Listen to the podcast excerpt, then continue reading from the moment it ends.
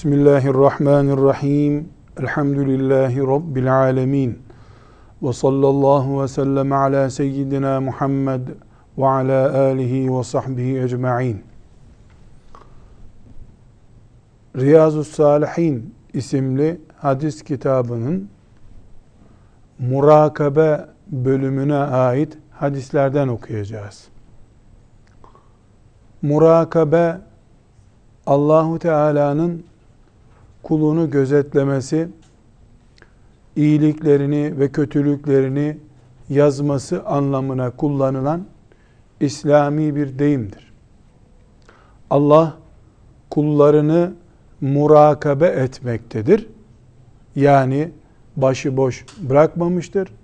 Hasenatını ve seyyiatını meleklerine yazdırtmaktadır.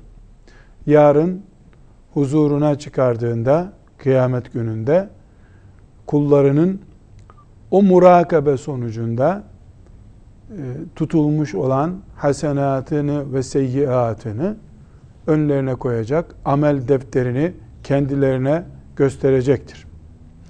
Mümin yeryüzünde başıboş bulunmadığına, hiçbir zaman Allah'ın kontrolü dışında olmadığına iman eder.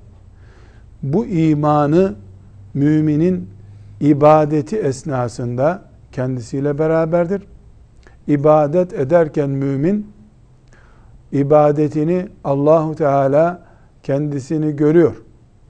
Onun gözü önünde ve onun yarın hesabını soracağı muhakkak olan bir emrini yerine getiriyor şeklinde ibadet eder. Ayağa kayıp bir hataya düştüğünde de Allahu Teala'nın onu gözetlediğini, kontrol ettiğini ve hesabını soracağı dakikaları yaşadığını bilir. O günahtan el etek çeker. Sonra da işlediği şey için Rabbinden af niyaz eder, temenni eder. İyi veya kötü ne yaparsa yapsın mümin hep onu Allah'ın murakabe ettiğini yani gözetlediğini, denetlediğini, izlediğini bilir. Bu müminin doğal halidir. Bu nedenle mümin riyaya bulaşamaz. Bu nedenle mümin harama tutamaz. Bu nedenle mümin harama bakamaz. Bu nedenle mümin haram konuşamaz. Bu nedenle mümin haram yiyemez. Neden? Çünkü hayatta olduğu sürece nerede olursa olsun uyurken de, yürürken de, konuşurken de, yer içerken de hep Allah'ın kontrolü altındadır. Her ne kadar mümin Allah'ı görmüyorsa da Allah onu görüyor ya şuuruyla hareket eder. Bunun için bu izlenme şuuru, murakabe şuuru, Allahu Teala'nın hiç bitmeyen sürekli denetiminden dolayı mümin sadece haramlardan, günahlardan uzak kalma düzeyinde de kalmaz.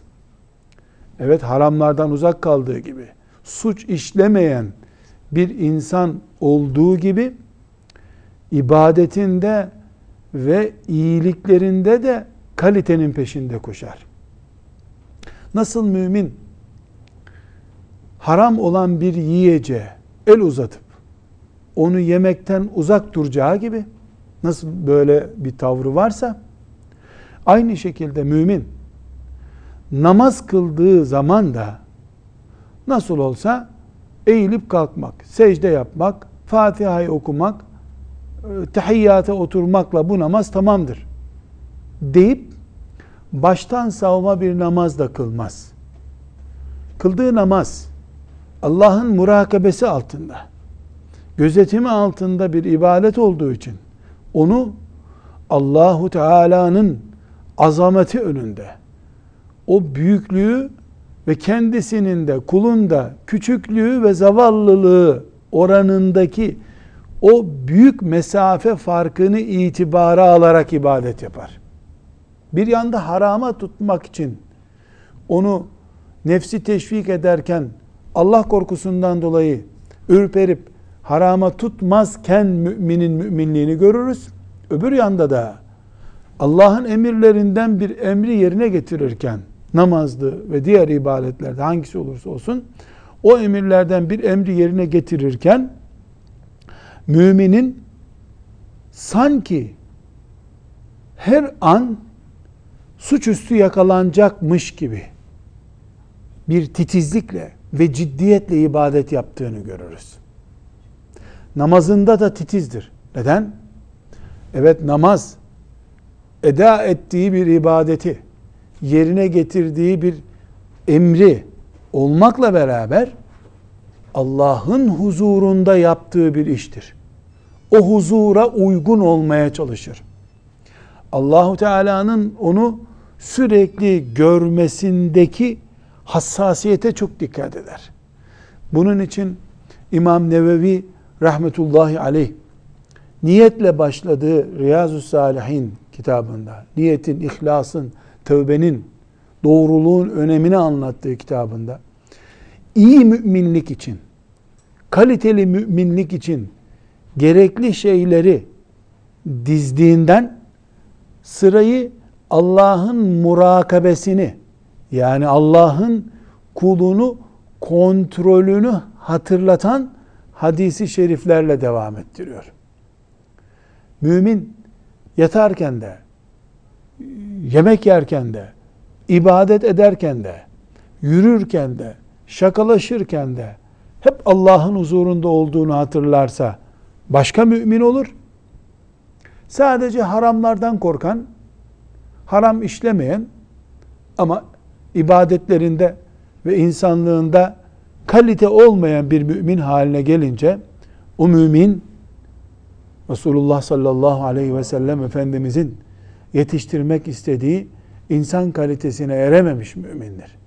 Bunun için ibadetinden haramdan kaçışına kadar her yerde Allahu Teala'nın gözetimini üzerinde hisseden ve bu titizlikle yaşayan ve böylece de bu titizliği sayesinde kamil bir imanla Rabbinin huzuruna kavuşan mümin olmaktır. Ana hedef bu hedefi bize öğretecek, eğitleyecek hadisi şeriflerden bir demet İmam Nevevi buraya koydu. Allah ondan razı olsun. 61. hadisi şerifi bugün Riyazu Salihinden okuyoruz. Ee, oldukça uzun bir hadisi şerif. Bu hadisi şerifin 61. E, hadis-i şerif Riyazu Salihinde bu hadisi şerifin e, muhtevasında pek çok konu var. Dolayısıyla birden fazla konunun temellerini oluşturan, vahiye dayalı bilgisini oluşturan hadisi şeriflerden bir tanesidir. Ee, Hazreti Ömer radıyallahu anh Efendimizin e, İmam Müslim'in sahihinde rivayet edilmiş hadisi şeriflerinden birisidir. Diğer Tirmizi gibi diğer hadis kitaplarımızda da var. Ama bu hadisi şerif İslam'ın şartları dediğimiz, imanın şartları dediğimiz, kıyamet alametleri dediğimiz, ibadette randıman, kalite, ihsanın ne manaya geldiğini anlatan en temel vahiy bilgilerinden birisini oluşturmaktadır. Sahih bir hadisi şerif, imanımızın temelini oluşturan, konuları ihtiva eden bir hadisi şerif. E, hadisi şerifin bütününü okuyacağız ama özellikle hadisi şerifi çok güzel tercüme edilmiş haliyle e, hoca efendilerin Erkam yayınlarında çıkan e, 8 ciltlik Riyazu Salih'in şerhinden 61. hadis olarak bu hadis-i şerifin tercümesini okumalarını da özellikle tavsiye edeceğim. Hem e, akılda kalması bir sayfaya yakın hadis-i şerif olduğu için uzunca bir hadis olduğundan biraz zor olabilir. Hem de tercümesindeki letafetten de e, istifade etmiş oluruz inşallah diye özellikle tavsiye ediyorum. Hadisi şerifin 61. hadisi şerifin tercümesinden okuyoruz. Önce bir bütün olarak hadis-i şerifi okuyalım. Zihnimizde bir bütünlük oluştursun. Sonra da parça parça hadis-i şerifin ihtiva ettiği şeyleri inşallah okuyacağız. Buyurun 61. hadis-i şerifin tercümesini dinleyelim. Bismillahirrahmanirrahim. Ömer İbnül Hattab radıyallahu anh şöyle dedi.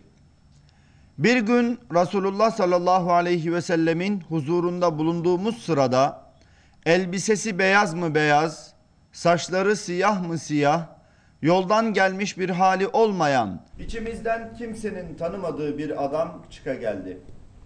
Peygamberin yanına sokuldu, önüne oturdu, dizlerini peygamberin dizlerine dayadı, ellerini kendi dizlerinin üstüne koydu ve ey Muhammed Sallallahu bana aleyhi ve İslam'ı anlat dedi. Resulullah sallallahu aleyhi ve sellem. sellem İslam Allah'tan başka ilah olmadığına ve Muhammed'in Allah'ın Resulü olduğuna şehadet etmen, namazı dosdoğru kılman, zekatı tas tamam vermem, vermen, Ramazan orucunu eksiksiz tutman, yoluna güç yetirebilirsen Kabe'yi ziyaret, hac etmendir buyurdu. Adam şimdi de imanı anlat bana dedi. Resulullah sallallahu aleyhi ve sellem Allah'a, meleklerine, kitaplarına, peygamberlerine, ahiret gününe inanmandır. Yine kadere, hayrına ve şerrine iman etmendir buyurdu. Adam tekrar doğru söyledin diye tasdik etti ve peki ihsan nedir? Onu da anlat dedi. Resulullah sallallahu aleyhi ve sellem ihsan Allah'a onu görüyormuşsun gibi kulluk etmendir. Sen onu görmüyorsan da o seni mutlaka görüyor buyurdu. Adam yine doğru söyledin dedi. Sonra da kıyamet ne zaman kopacak diye sordu. Peygamber sallallahu aleyhi ve sellem kendisine soru yöneltilen bu konuda sorandan daha bilgili değildir cevabını verdi. Adam o halde alametlerini söyle dedi. Resulullah sallallahu aleyhi ve sellem Sallallahu aleyhi ve sellem. annelerin kendilerine cariye muamelesi yapacak çocuklar doğurması, yalın ayak, başı kabak, çıplak koyun çobanlarının yüksek ve mükemmel binalarda birbirleriyle yarışmalarıdır buyurdu. Adam sessizce çekip gitti. Ben bir süre öylece kala kaldım. Daha sonra Peygamber sallallahu aleyhi ve sellem Sallallahu aleyhi ve sellem. Ey Ömer soru soran kişi kimdi biliyor musun? buyurdu. Ben Allah ve Resulü bilir dedim. Resulullah sallallahu aleyhi ve sellem o Cebrail'di. Size dininizi öğretmeye geldi buyurdu. Sallallahu aleyhi ve sellem. Buradaki hadisi şerifi birkaç açıdan anlamaya çalışmamız lazım. Çünkü hadisi şerifte evvela vahiy meleği olan Cebrail aleyhisselamın normal bildiğimiz vahiy uslubu dışında bir yolla ashab-ı kiramın İslamiyete ait bir konuyu bilmelerini ve o konunun İslam'a esas olmasını sağladığını görüyoruz. Bu hadisi şerifte iman, İslam, ihsan ve kıyamete ait bilgiler var. Kıyamet ve ihsan bir kenara bırakılabilecek olsa bile imanın ve İslam'ın en çekirdek konularını özetleyen çok ciddi bir hadisi şerifle karşı karşıyayız. Dolayısıyla bu hadisi şerifin bize ulaşmasındaki sistemin ne kadar sağlıklı olduğunu da tahlil etmemiz gerekir. Hemen cevabımız bu hadisi şerif Kur'an-ı Kerim'den sonra ikinci sağlam hadis kitabımız olan Sahih-i Müslim'deki bir hadis-i şeriftir. Sahih-i Müslim'de olması sıhhati bakımından ki diğer hadis kitaplarında da var. Sıhhati bakımından bize tatmin edici bir kaynak olarak takdim edilmiş olmasını gerektirir. Biz bu hadisi şerifin Resulullah sallallahu aleyhi ve sellem Efendimizin mübarek lisanından döküldüğüne tereddüt etmiyoruz. Her ne kadar Kur'an-ı Kerim düzeyinde bir vahiy değilse de Kur'an-ı Kerim'den sonra bize huzur içerisinde tereddütsüz inanabileceğimiz düzeyde bilgi kaynağı oluşturan ilk iki kitaptan ikincisinde bulunan bir hadisi şeriftir. Bu bir. İki, hadisi şerifte bazı enteresan bilgiler görüyoruz. Bu enteresan bilgilerden önce enteresan bir uygulama görüyoruz. Bu uygulama şudur. Cebrail aleyhisselam Ömer bin Hattab radıyallahu anh'ın yabancı bir kimse ama üzerinde yolculuk işareti de yok. Uzaktan geldiğine dair bir yorgunluk, toz toprak da yok üzerinde. Ama beyaz kıyafetler içerisinde yabancı bir kimse gibi geldiğini zannettiği daha sonra da Resulullah sallallahu aleyhi ve sellem Efendimizin uyarısıyla o gelenin Cebrail aleyhisselam olduğunu anlattığı bir olayla karşı karşıyayız. Cebrail aleyhisselam ashab-ı kiramın insan soru sormaya gelmiş bir insan zannettiği bir kılıkla Medine'ye gelmiş. Bu daha önce getirdiği ayetlere, diğer hadisi şeriflere, yani kutsi hadisi şeriflere benzemeyen bir sistemle gelmiş. Bir insan kılık kıyafeti yerinde Resulullah sallallahu aleyhi ve sellemin önüne oturmuş. Talebenin oturduğu gibi dizüstü çek oturmuş, ellerini dizlerinin üstüne koymuş. Soru sormaya geldiği belli olan birisi şeklinde gelmiş. Bu bir enteresan. Buna dikkat etmişler. İkinci enteresanlık soru sormaya gelmiş. Soruyor. Cevap alınca ha doğru söyledin diyor. Bilen birisi soru soruyor bu. Bu da bir enteresanlık. Buna da şaşırmışlar. Daha sonra bu kimdi? Sorulunca Efendimiz sallallahu aleyhi ve sellem bu kimdi diye sorunca bilmediklerini doğal olarak söylüyorlar. Allah bilir, peygamberi bilir kim olduğunu deyince anlaşılıyor ki Cebrail aleyhisselam farklı bir tarzda gelmiş. Daha öncekilerine benzemeyen bir uslupla ashab-ı kirama İslami bilgilerden bir demet sunmuş. Demek ki Resulullah sallallahu aleyhi ve sellem Efendimiz burada her dört konuya da cevap verdi. Bu verdiği cevaplardan daha önce Efendimiz sallallahu aleyhi ve selleme vahyedilen şeyler olduğunu o gün Cebrail aleyhisselamın bu üslubuyla hem Efendimiz sallallahu aleyhi ve selleme vahyedilen şeylerin test edildiğini hem de orada bulunan sahabilere bu bilgilerin öğretildiğini görüyoruz. İlk soru İslam üzerinde. İslam nedir diye soru soruyor. Veya iman, ilk soru iman üzerinde. İman nedir diye soru soruyor. İmana cevap alıyor. İslam nedir diye soru soruyor. Ona cevap alıyor. İhsan nedir diye soru soruyor. Ona cevap alıyor. Ve kıyamet zamanına ait soru soruyor. Ona Efendimiz sallallahu aleyhi ve sellem çok farklı bir cevap veriyor. Yani bu konuda soranla kendisine sorulan arasında bir fark yok anlamında cevap veriyor. Bilmediğini söylüyor. So bari işaretlerinden söz et diyor.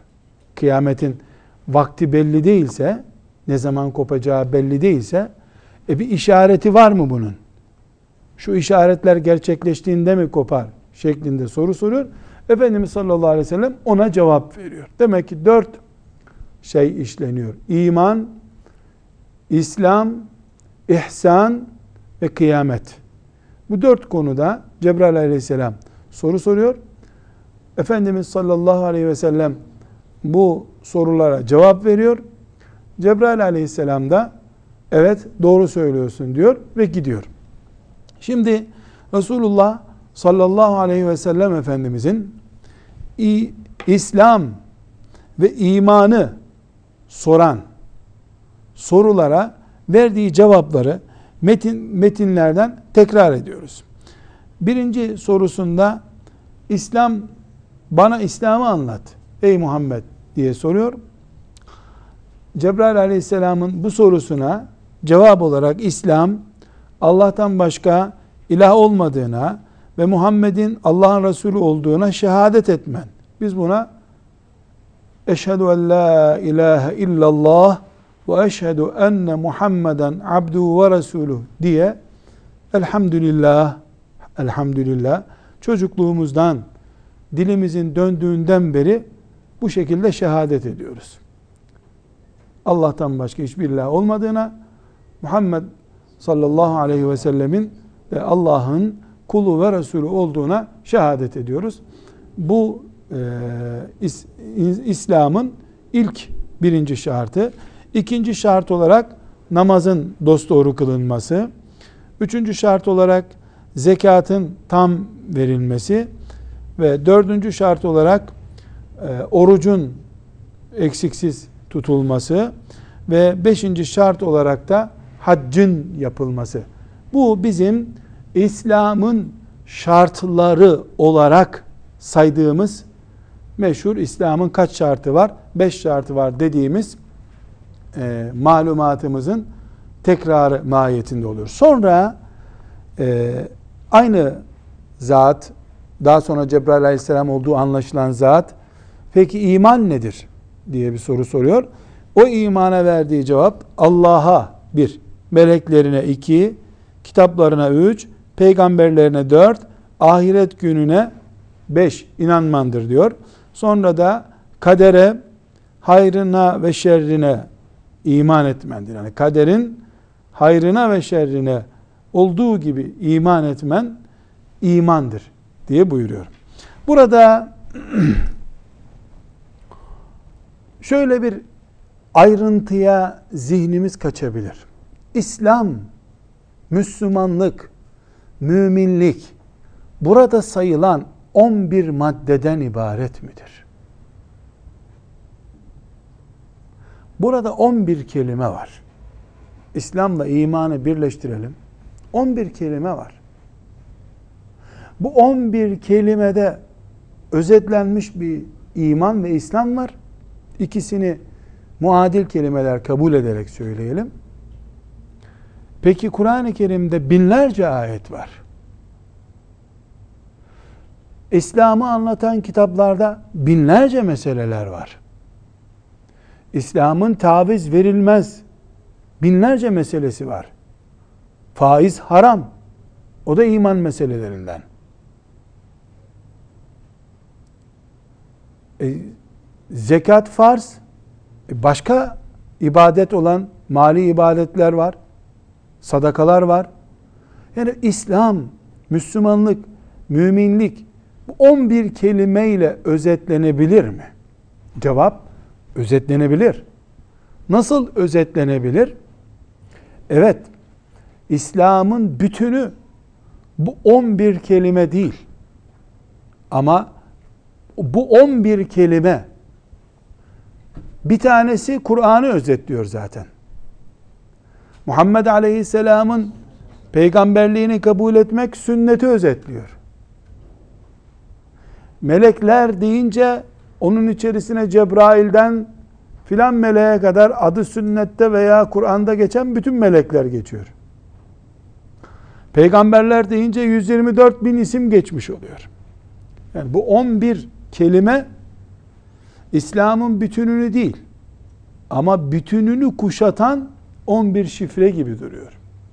Yoksa İslam'ın 5 şartı olması yapılacak şeylerin 5 kelimeden ibaret olması demek değil. 5 şey en uç noktada, en görünür noktada ve en iç içe olunması gereken noktada bulunduğu için bu beş şey sayılmış oluyor.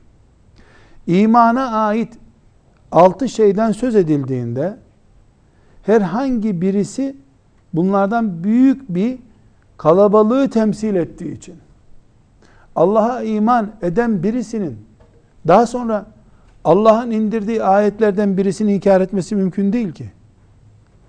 Peygamberlere iman eden birisinin daha sonra peygamberin getirdiği vahyin bir çeşidini inkar etmesi mümkün değil ki.